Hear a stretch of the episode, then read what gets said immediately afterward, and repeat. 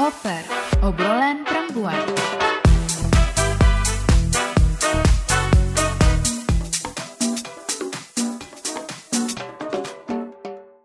Hi girls, Yay, welcome back. Yes, kembali lagi eh, kita di episode kelima ya sekarang. Iya, udah episode kelima sekarang. Oke, nah me- minggu kemarin kita bahas apa, Gap? Minggu kemarin kita sudah bahas tentang fruitful and toxic relationship. Mantap.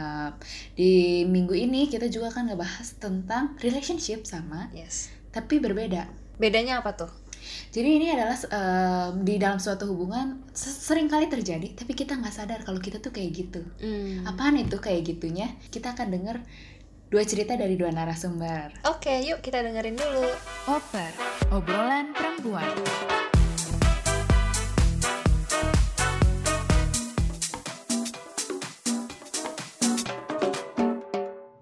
Hai, eh, panggil aja gue Kay. Gue mau cerita tentang hubungan gue di mana kalau gue pacaran tuh ngomongin soal pacaran, gue udah kurang lebih 16 kali pacaran, 12 kali sama cewek, 4 kali sama cowok. Nah, kenapa bisa kayak gitu? Gue itu akhirnya memutuskan untuk bisa pacaran sama cewek sama cowok dikarenakan selama ini gue berhubungan itu selalu katanya tuh disakitin, diselingkuhin sih. Nah, kebanyakan itu putusnya karena diselingkuhin. Kenapa sih alasannya diselingkuhin? Setelah gue flashback dan gue bertukar pikiran sama beberapa sahabat gue, gue tuh terlalu gampang percaya sama orang. Jadi, kalau gue menjalani sebuah hubungan sama orang lain, gue tuh selalu serius. Mau sama cewek, mau sama cowok. Akhirnya, pasangan gue itu bosen biasanya karena ada yang bilang kalau cewek sukanya cowok nakal buat jadi pacar, sedangkan cowok baik-baik buat jadi, jadi calon suami. Nah gue ini kayaknya calon suami, cuman kategorinya pengen pacaran. Jadinya orang bosan, jadinya diselingkuin. Gitu. Nah, kalau misalkan ditanya apakah ada hubungannya dengan eh keluarga ada sih jadi kayak misalkan kenapa gue mencoba untuk setia atau loyal sama pasangan gue? Karena dulu tuh gue kecil gue pernah ngeliat nyokap gue nangis gara-gara bokap gue pergi dari rumah. Intinya bokap gue selingkuh sama cewek lain nyokap gue nangis terus gue bangun. Di situ gue ngerasa kalau lo mempermainkan orang lain efeknya tuh efeknya tuh bener-bener sakit. Gue ngelihat nyokap gue tuh kayak nangis sampai susah nafasnya. Jadi itu yang ngebuat gue mikir kalau gue punya sebuah hubungan dan gue menyakiti orang tersebut orang tersebut sakitnya akan segitunya. Jadi gue selalu berusaha untuk menjadi loyal. Awalnya masalahnya itu doang. Selanjutnya setelah menjalani hubungan kurang lebih 15 kali ini yang ke-16 ini masih dijalanin eh ada perasaan gue nggak mau nikah karena komitmen yang diomongin sama orang itu akhirnya cuman sebatas omongan doang gitu. Sedangkan gue berusaha mencoba untuk loyal dan pasangan gue mantan mantan gue itu semua cuman ada di omongan doang. Jadi akhirnya gue rada kurang percaya sama yang namanya sebuah pernikahan dan gue jadi insecure jadi ngerasa kalau nih pasangan gue pasti selingkuh lagi nih. Nih pasangan gue pasti selingkuh lagi nih gitu. Jadi ada selalu curiga terus. Nah ada satu pertanyaan sih buat uh, oper gimana sih caranya uh, apa ya meningkatkan self esteem diri sendiri biar bisa lebih cinta sama diri sendiri. Karena kan ada yang bilang cintailah dirimu sendiri baru biar orang lain bisa cinta sama kamu. Selama ini gue kalau punya kalau berhubungan atau pacaran tuh selalu mendahulukan orang lain. Karena itu gue bilang gue mau loyal, gue mau setia. Jadi kebahagiaan lo adalah kebahagiaan gue. Dan denger-dengar katanya itu salah. Gimana sih caranya buat meningkatkan rasa cinta terhadap diri sendiri? Itu aja. Oke, itu dia cerita dari narasumber pertama kita. Nah, kalau misalnya di cerita itu em, narasumber kita tuh masih bingung kali ya apa yang harus dia lakukan. Iya, masih bingung sama eh, firm dirinya sendiri. Betul. Dan sebetulnya apa yang dilakukan itu bucin atau sebenarnya love language ya, Gap? Hmm. Kita akan dengar cerita yang kedua. Cerita yang kedua agak berbeda karena dia udah menemukan gimana sih caranya untuk bangkit dari masalahnya. Dan move on. Hai, halo semua. Kenalin, namaku Aras. Ya, jadi aku tuh dulu pernah pacaran. Ya, cukup lama lah. Pacarku itu baik. Saking baiknya dia tuh tega ngehancurin nama baikku, ngehancurin kuliah perkuliahanku, terus dia ngehancurin reputasiku. Saking baiknya dia itu semua itu hancur seketika.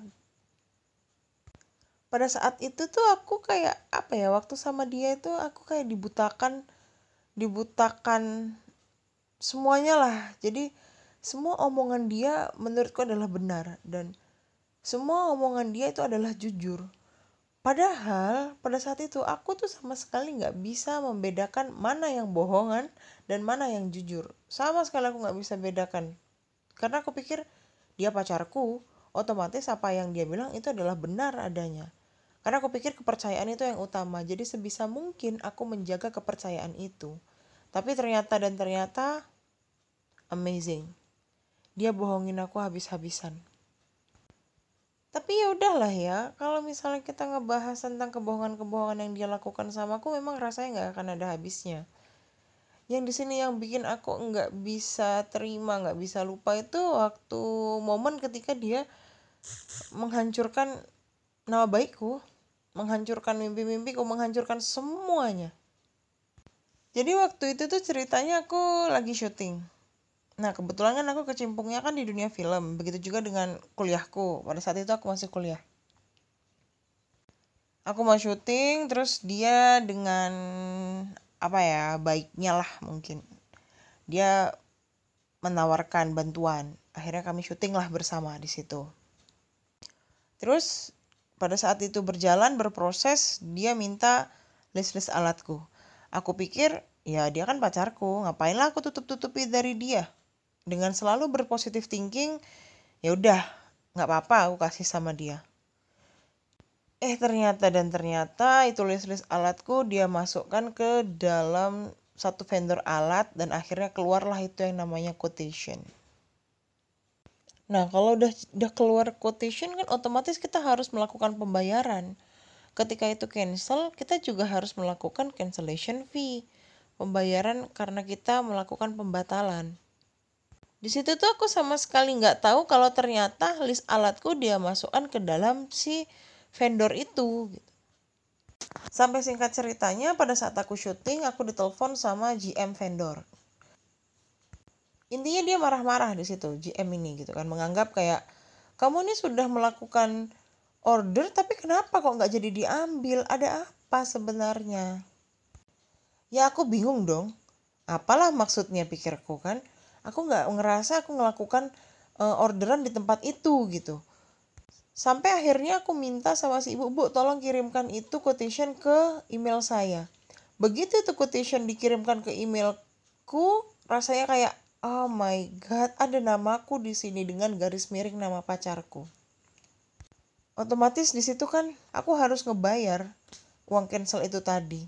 Balik sebelum kejadian aku ditelepon sama si vendor itu tadi, hari sebelumnya pacarku tuh buat ulah. Buat ulahnya tuh dia ngaku dia tuh kena hipnotis pada saat itu astaga aku pikir hipnotis apa apaan sih ini hari gini kena hipnotis gitu kan dia mengaku uangnya hilang, uang produksi kamu hilang. Hah? Ah, nggak tahu lah kalau dibilang gimana tuh rasanya. Karena aku ingat betul, di situ aku kehilangan uang lebih dari 30 juta.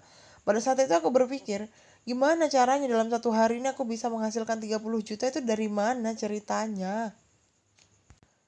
Lagi-lagi karena dia pacarku, aku malah mencoba untuk menguatkan dia, mencoba untuk menguatkan hatinya. Aku nggak tahu permainan dia di situ sama sekali, sama sekali nggak tahu. Kemudian besoknya itulah kejadian si GM vendor marah-marah sama aku.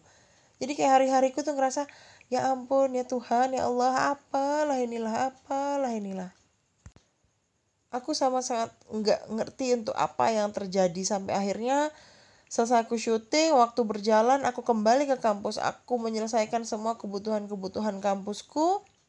Itu tuh rasanya kayak apa ya? Ketika aku kembali ke kampus tuh udah kayak neraka kampus bagiku. Karena apa? Di situ aku ngerasa jadi korban bullying. Gimana pun juga aku ngerasakan apa itu yang namanya dicibirin orang dikucilkan terus bahkan yang diperparah dianggap di situ nggak punya attitude dipermalukan dianggap nggak tahu berterima kasih semua semua itu campur aduk jadi satu. Otomatis di situ kan aku jadi apa ya mempertaruhkan kelulusanku di situ. Untuk menghadapi kenyataan itu tuh rasanya ya ampun berat sekali. Karena apa? Karena apa ya aku jadi secara nggak langsung aku sudah mengecewakan pihak kampus. Dan vendor juga kecewa dengan aku. Bahkan yang diperparah vendor itu nge-blacklist aku otomatis ke depannya aku nggak akan bisa pakai kerjasama dengan vendor tersebut. Terus kelulusanku pun bersyarat otomatis apa yang udah aku susun untuk perkuliahanku waktu itu kayak udah selesai gitu aja. Harus aku akui pada saat itu tuh aku sangat-sangat butuh bantuan dan butuh dukungan dari pacarku sendiri untuk ngelewatin ini semua tapi yang aku dapatkan apa? Malah penolakan aku diabaikan terus apa ya kayak kayak ngerasa udah ini tuh masalahmu aku nggak perlu ikut campur. Aku ngerasa pacarku itu seperti itu. Sampai pada akhirnya aku di titik yang aku udah udah benar-benar nggak sanggup lagi gitu untuk ngejalanin ini semua. Karena kayak terlalu banyak omongan-omongan buruk tentangku gitu loh. Sampai aku berada di titik yang ya sudahlah I am what you think. Apa pun yang kau pikirkan tentangku itulah aku aku mencoba untuk komunikasi ke pacarku. Ayolah bantulah aku gitu bantulah aku untuk survive. Pada saat itu salahnya adalah aku menggantungkan kayak kebahagiaanku di, di dia. Sampai akhirnya kami ketemu. Kami ketemu aku ajak dia ngobrol. Ternyata kayak apa ya jadinya menyesal aku mengajak dia ketemu. Karena di situ aku menemukan satu fakta baru kalau ternyata pacarku adalah suami orang secara nggak sengaja aku temukan aku baca pesan di WhatsAppnya tertulis sayang bunda udah USG anak kita perempuan dan sebagainya dan sebagainya sebagainya sebagainya. Kayak ya ampun bertubi-tubi rasanya aku dihancurkan bertubi-tubi rasanya aku di ah entahlah harus akui untuk proses penerimaan itu sangat berat gitu kan. Ketika orang yang sangat-sangat kamu sayangi sangat-sangat kamu cintai malah jadi orang pertama yang menghancurkan hidupmu lebih dalam. Jadi apa ya proses penerimaan itu susah. Tapi aku selalu percaya pelan tapi pasti aku harus bangkit. Karena gimana pun juga masa depanku ada di tanganku dan aku mempertaruhkan di sini masa depanku gitu. Oke, okay, nama baikku sudah rusak. Oke, okay, aku sudah di blacklist di vendor saat itu. Oke, okay, kampus sudah menilaiku jelek, bahkan aku dinilai tidak punya attitude. Oke, okay, it's okay. Aku menerima itu semua sebagai takdir hidupku untuk mendewasakan aku. Aku menerima masalah-masalah yang aku hadapi ini untuk menguatkanku. Jadi, aku mencoba untuk memaafkan diriku sendiri. Jadi, aku mencoba untuk berdamai. Ketika aku sedih, ya sudah, aku akan sedih. Aku tidak akan membohongi perasaanku sendiri. Ketika aku ingin menangis, ya sudah, aku akan menangis karena aku percaya sometimes it's okay not to be okay. Jadi pelan-pelan tapi pasti aku menata kembali hatiku dan aku memaafkan diriku sendiri. Aku memaafkan atas kebodohan diriku sendiri. Aku memaafkan atas aku yang terlalu percaya ke orang. Bahkan di situ pacarku sendiri. Aku memaafkan diriku. Bahkan pada saat itu butuh tenaga yang dan keberanian yang luar biasa sampai akhirnya aku berada di titik ya sudahlah. Aku memaafkan memaafkan dia atas semua yang dia lakukan sama aku. Aku bahkan meminta maaf ke dia. Aku minta maaf ke dia. Aku hubungi dia dari sosial medianya karena nomorku sudah dia blok.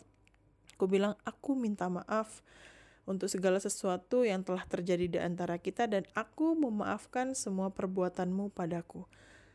sampai saat sampai pada akhirnya aku berada di titik yang aku sudah memaafkan diriku sendiri dan dirinya hingga akhirnya aku pelan-pelan mencoba untuk mengikhlaskan apa yang telah terjadi ini sebagai takdir hidupku. Aku menerima, ketika aku menerima berarti aku sudah ikhlas dengan apa yang terjadi. Walaupun aku tahu bahkan sampai hari ini pun aku belum bisa melupakan apa yang sudah terjadi di dalam hidupku karena aku selalu percaya memaafkan, mengikhlaskan dan melupakan adalah tiga hal yang berbeda. Pesanku sih ya, uh, yang jelas jangan terlalu percaya sama pacarmu sendiri. Aku mengakui kesalahanku pada saat itu adalah aku terlalu percaya dengan dia dan aku tidak punya prinsip dalam hidupku sehingga kayak aku dibutakan oleh semua omongan-omongan dia. Itu yang pertama. Yang kedua, ketika kamu mau memulai suatu hubungan yang baru, saranku untuk diriku dan untuk teman-teman semua, yang pertama adalah kenali orangnya harus tahu dulu siapa orangnya, gimana bentukannya, gimana latar belakangnya.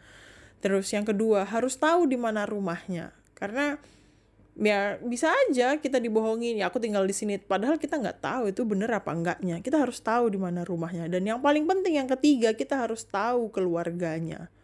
Itu yang paling penting. Ya kalau orang Jawa bilang bibit bebet bobot. Itu tuh bener. Walaupun ya banyak yang nggak menerima tapi pada faktanya pada kenyataannya itu tuh benar jadi ya semangat ya untuk teman-teman jangan mudah tertipu. Oke, itu dia ya cerita dari dua narasumber kita. Nah, tadi narasumber pertama sempat singgung tuh uh, kalau misalnya ada yang bilang kita harus mencintai diri sendiri dulu supaya orang lain bisa makin cinta sama kita. Menurut lo gimana, Git? Hmm, kalau menurut gue sih jujur kurang tepat. Karena seharusnya okay. kita itu mencintai diri kita bukan untuk orang lain mencintai kita lebih lagi, tapi untuk kita tahu bagaimana caranya kita mencintai orang lain dengan cara yang benar. Oke. Okay. Karena kalau misalkan sampai kita mencintai orang lain dengan cara yang salah, itu tanpa sadar kita bisa jadi yang namanya bucin. Hmm, nah ini dia nih, bucin-bucin itu ya. Nah, iya sering kita dengar tapi kadang kita tidak sadar kalau kita tuh bucin gitu. Ya, budak cinta. Nah, tapi mm -mm. apa sih ciri-cirinya bucin atau sejauh apa kita bisa disebut bucin? Hmm, oke okay nih, gue kasih uh, lima ciri ya. Lima ciri bucin tuh seperti apa sih gitu. Oke. Okay. Bucin itu biasanya nggak tahu harga dirinya seberapa. Dia membiarkan orang lain yang mendefinisikan harga diri dia tuh seberapa. Mm -hmm. Nah, menariknya tadi si narasumber pertama kita itu tuh sempat tanya ya untuk gimana sih caranya meningkatkan self esteem di mana self esteem itu adalah harga diri ya mm -mm. oke nah sekalian gue kasih contoh ya sebenarnya meningkatkan self esteem itu sebenarnya bermulai dari kita dulu jadi memang kita yang harusnya menentukan harga diri kita contoh oke okay. kalau kita ke mall kita lihat uh, toko yang tersusun rapi di etalase terus mau masuk aja tuh pintunya yang wah gitu kita segan kan buat masuk. Mm -hmm. terus udah segan buat masuk kalau misalnya kita udah masuk kita lihat barangnya dengan hati-hati kita beli barang itu sampai di rumah pun kita simpan barang itu dengan sedemikian rupa supaya dia nggak rusak kan. Ya betul. Nah tapi gue kasih contoh lagi kalau misalkan kita pergi ke mall di mana isinya tulisannya semua sale mm -hmm. semua ada di keranjang belanja tuh sale semua nah kita akan masuk dengan kayak udah nggak peduli lagi ngambilnya berantakan nggak peduli dia akan berbentuk lecak atau apa kita akan dengan gampangnya menggali itu dan ngambil dan ketika kita beli perlakuannya pasti beda dong dengan barang yang pertama kita beli tadi. Iya pasti. Nanti pas pulang ke rumah yang barangnya mahal kita simpennya tuh di atas meja gitu ya, dirapi-rapi. Kalau yang barang sel mah ya udahlah di mana aja gitu ya. Iya betul. Nah itu sama kayak harga diri kita sebenarnya. Hmm. Di mana kita menentukan harga diri kita. Apakah kita mau memiliki harga diri seperti barang yang pertama atau barang yang kedua? Kalau kita menentukan harga diri kita di barang yang pertama, maka orang lain gak akan bisa menyalahgunakan atau menginjakkan menginjak harga diri kita. Oke. Okay. Tapi kalau misalkan kita sampai taruh itu di yang barang kedua, ya berarti kita memang membiarkan orang itu untuk yang melakukan menginjak harga diri kita itu. Oke, nah jadi gitu ya, geng. Itu mulai dari diri sendiri. Betul. Kita mau disebutnya barang sale atau barang yang disimpan di etalase. Iya, betul. Ciri Oke. kedua ya, ciri kedua. Ya. Ciri kedua, bucin itu biasa nggak tahu identitas dirinya siapa. Mhm. Jadi biasanya tuh mereka membiarkan orang lain juga nih yang menentukan siapa dia karena sebenarnya identitas diri itu adalah label ya. Oke. Kalau tadi kita ngomongin harga, ini ngomongin label. Oke. Nah, labelnya itu tuh dia membiarkan orang lain yang melabeli hidup dia. Hmm. Masa lalu bisa nggak? Bisa, bisa juga. Kayak itu tuh bisa dicek di podcast kita sebelumnya sih. Oke. Untuk yang masa lalu, ya. Jadi sebenarnya eh, jangan sampai kita tuh membiarkan orang lain yang melabeli atau memberikan identitas siapa sih diri kita. Oke. Oke, yang ketiga ya. Ya. Ciri yang ketiga itu bucin biasanya rela melakukan segala sesuatu untuk mengejar cinta, tapi demi memuaskan dirinya sendiri. Maksudnya gimana tuh? Jadi dia tuh melakukan apa pun supaya orang tuh mencintai kita. Nah, kayak tadi statementnya, dia akan Oh ya ya ya. ya dia akan melakukan apa pun untuk orang tuh supaya cinta sama gue nih gitu. Hmm. Nah, tapi kenapa sih? Kenapa bucin seperti itu? Karena tuh kalau misalkan bucin, mereka tuh butuh yang namanya rasa nyaman Oke. gitu. Jadi mereka rela untuk melakukan apa pun, yang penting nggak apa-apa deh gue sakit, yang penting orang ini sayang sama gue, yang penting orang ini cinta sama gue gitu. Oke. Nah, kalau ngomongin tentang ini ya, melakukan segala sesuatu untuk mengajar cinta. Nah, ini menurut gue nyambung sama lo harus apa? eh, senang dengan diri lo sendiri, be happy with yourself dan utuh nggak sih? Iya benar, benar banget. Jadi jangan jangan lu menaruh kebahagiaan lu di orang lain ibaratnya gitu. Oke. Jadi yang keempat, keempat. Yang keempat itu eh, mereka insecure. Biasa bocin itu insecure. Iya.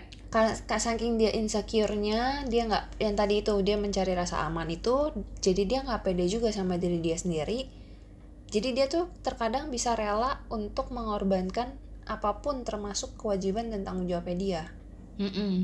dan juga kadang tuh mereka juga bisa rela untuk eh, membuang nilai-nilai kehidupan yang selama ini mereka pegang. Contoh, contoh, Contoh, gimana? Nah contoh misalkan paling gampang deh, ceweknya bilang, ayo dong nganterin aku ke salon, Mm-mm. aku pengen keriting rambut nih, misalnya gitu kan, keriting Iya. rambut kan lama nih ya. Terus tapi kayak cowoknya punya sebenarnya tuh Udah ada janji gitu ya? sakit. Oh, lagi Iya, sakit. misalkan Oke. orang tuanya sakit, ya Hmm. terus kayak akhirnya dia memilih untuk ya udah deh gue temenin ya udah deh aku temenin kamu sayang Eh, aku nggak usah nganterin orang tua aku gitu itu kan sebenarnya mereka melepas tanggung jawab yang seharusnya tidak dilepas kan Oke, nah tapi ini juga ya, kalau gue lihat di sini itu juga termasuk gimana kita menyimpan prioritas gitu gak sih? Nah kalau misalnya di sini jadinya kayak ya udahlah cinta gue prioritas nomor satu, pokoknya apa pun untuk kamu sayang itu yang kamu aku akan berikan gitu ya. iya benar karena balik lagi dia insecure dia takut ditinggal pacarnya kan Oke, itu tadi yang sempat disinggung juga sama narasumber yang pertama kita ya. iya betul apa pun dia lakukan dia mau jadi loyal kan tadi dia bilang tapi ya dia juga takut juga ditinggalin gitu Oke, oke yang kelima Mm-mm. biasanya balik lagi sih ini maksudnya lebih ke bucin itu benar-benar mencari rasa aman yang tadi udah gue bilang Mm-mm. ya jadi ini sebenarnya relate sama yang apa yang memang dia lakukan untuk memuaskan diri dia sendiri karena dia butuh rasa aman itu karena mungkin ada cerita di balik masa lalunya gitu Oke, menarik ya. Jadi itu ciri-ciri bucin. Jadi adakah yang familiar dengan ciri-ciri itu? oh saya familiar dulu Iya, da- dari lima ciri-ciri tadi ada eh, lebih dari tiga. Nah itu udah termasuk bucin mungkin ya. At- atau Iya. satu udah termasuk bucin ya. satu aja udah termasuk Oke oke. Nah itu dari cerita yang pertama. Kalau misalnya dari cerita yang kedua, Gap, lu belajar apa? Dari cerita yang kedua sebenarnya gue lihat awalnya dia juga bucin loh Hmm. karena dia nggak peduli omongan orang lain, dia nggak peduli eh, rumah pacarnya di mana, makanya di terakhir kan dia bilang kalian kalau mau pacaran tuh harus tahu rumahnya di mana gitu kan? Iya iya iya benar benar benar. Eh, Dia nggak mau ngedengerin Sama. orang lain gitu ya. Pokoknya kayak gue percayalah sama pacar gue gitu ya. ya apa pun yang pacar gue lakukan gue dukung deh gue support. It's it's a good things gitu kalau lu support pacar lu tapi di lain sisi lo juga pu harus punya mata yang terbuka Iya. Yeah. Iya. Dan dan dan perlu hikmat untuk uh, tahu siapa orang yang harus didengerin gitu ya. Iya betul. Ha-ha. Tapi kadang susah sih antara pikiran dan hati itu suka nggak selaras gitu. iya kan. Aduh nggak bisa nih aku susah. Aku nggak bisa dengerin kata mama aku karena aku sayang banget sama dia. Iya. Itu, itu susah. Itu yeah. susah guys. Ya yeah, it's it's a part of bucin juga sebenarnya ya. iya dan, dan dan itu perlu perlu kedewasaan dan hikmat tadi untuk menentukan yang mana yang benar dan yang mana yang salah ya nggak sih. Betul. Tapi tapi hebatnya dari narasumber kedua kita itu dari sekian banyak dia sudah disakiti dari yang awalnya dia bucin banget menurut gua dia bisa bangkit. Iya benar. Dengan dia memaafkan dirinya sendiri dengan dia mengikhlaskan kejadian itu gitu. Iya, menerima ya. Hmm, menerima. menerima masa lalunya, menerima tadi kata dia kebodohannya iya, gitu betul, ya. menerima kebodohannya. Menerima kesalahannya dan menerima takdirnya Iya, gitu. jadi dia It's okay. Dia tidak memungkiri kalau dia tuh sakit sebenarnya, tapi dia mulai dari memaafkan dirinya sendiri. Dan yang menurut gue paling keren nih Ren, mm -mm. adalah dia itu mau minta maaf dulu sama sang mantan. Iya, setuju padahal dia yang disakiti loh Iya, betul betul. It takes courage gitu ya. Hmm. Kedewasaan juga sih. Orang yang bisa minta yeah. maaf duluan itu adalah orang yang dewasa dan dia pemenangnya sebenarnya. Iya, betul. Dan selain itu juga sebenarnya berarti dia sudah sadar dan dia sudah secara utuh, oke, okay, gue harus bangkit. Cuman yang gue paling yeah. suka ketika dia bilang memaafkan, mengikhlaskan, dan melupakan itu tiga hal yang berbeda. Hmm, iya benar Kenapa kenapa? Karena kadang kita tuh memaafkan bisa, oke okay, kita, gue bilang oke okay, gue maafin lo, hmm. gue mengikhlaskan kejadian itu, mm -mm. tapi nggak akan pernah kita bisa lupain kejadian itu. Kayak contohnya luka ya, kalau lu sering dengar mungkin contoh ini, luka, lu jatuh gitu kan, lu jatuh diobatin, diobatin terus sembuh kan, lama-lama perihnya hilang, tapi bekasnya masih ada di situ. Iya. Yeah tapi pas lo pegang udah gak sakit gitu nah itu yang namanya lo susah untuk melupakan pasti Iya. Jadi sebetulnya ya nggak apa-apa lo nggak lupa gitu ya. Ya kalau misalnya lo lupa lo lupa ingatan juga nggak sih? Iya malah lo lupa sama siapa diri lo sendiri nggak sih? iya sebenarnya nggak apa-apa tapi ketika lo ketemu lagi sama orang yang menyakiti lo, lo udah nggak ada perasaan sakit atau dendam gitu ya atau pengen membalas gitu ya.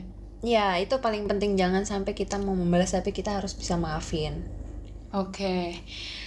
Luar biasa loh ceritanya hari ini kita uh, ngedenger dua sumber ya. Iya, yang satu mungkin masih agak struggle gimana caranya untuk menemukan apa ya, mencara menemukan cara untuk mencintai dirinya sendiri. Yang kedua ini justru udah ada winning story-nya lah ya. Iya, betul. Dan kita juga belajar banyak banget nih. Susah untuk minta yes. maaf duluan.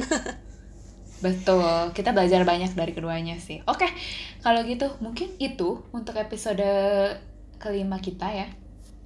Sekian. Sekian dan terima kasih. nah kalau misalnya ada pertanyaan atau feedback, ada ada pengalaman mungkin ya yang familiar dengan bucin-bucin tadi juga boleh langsung DM ke kita di atau per podcast. Yes. Oke okay, deh. See you in the next episode. Bye-bye. Bye. Over, obrolan perempuan.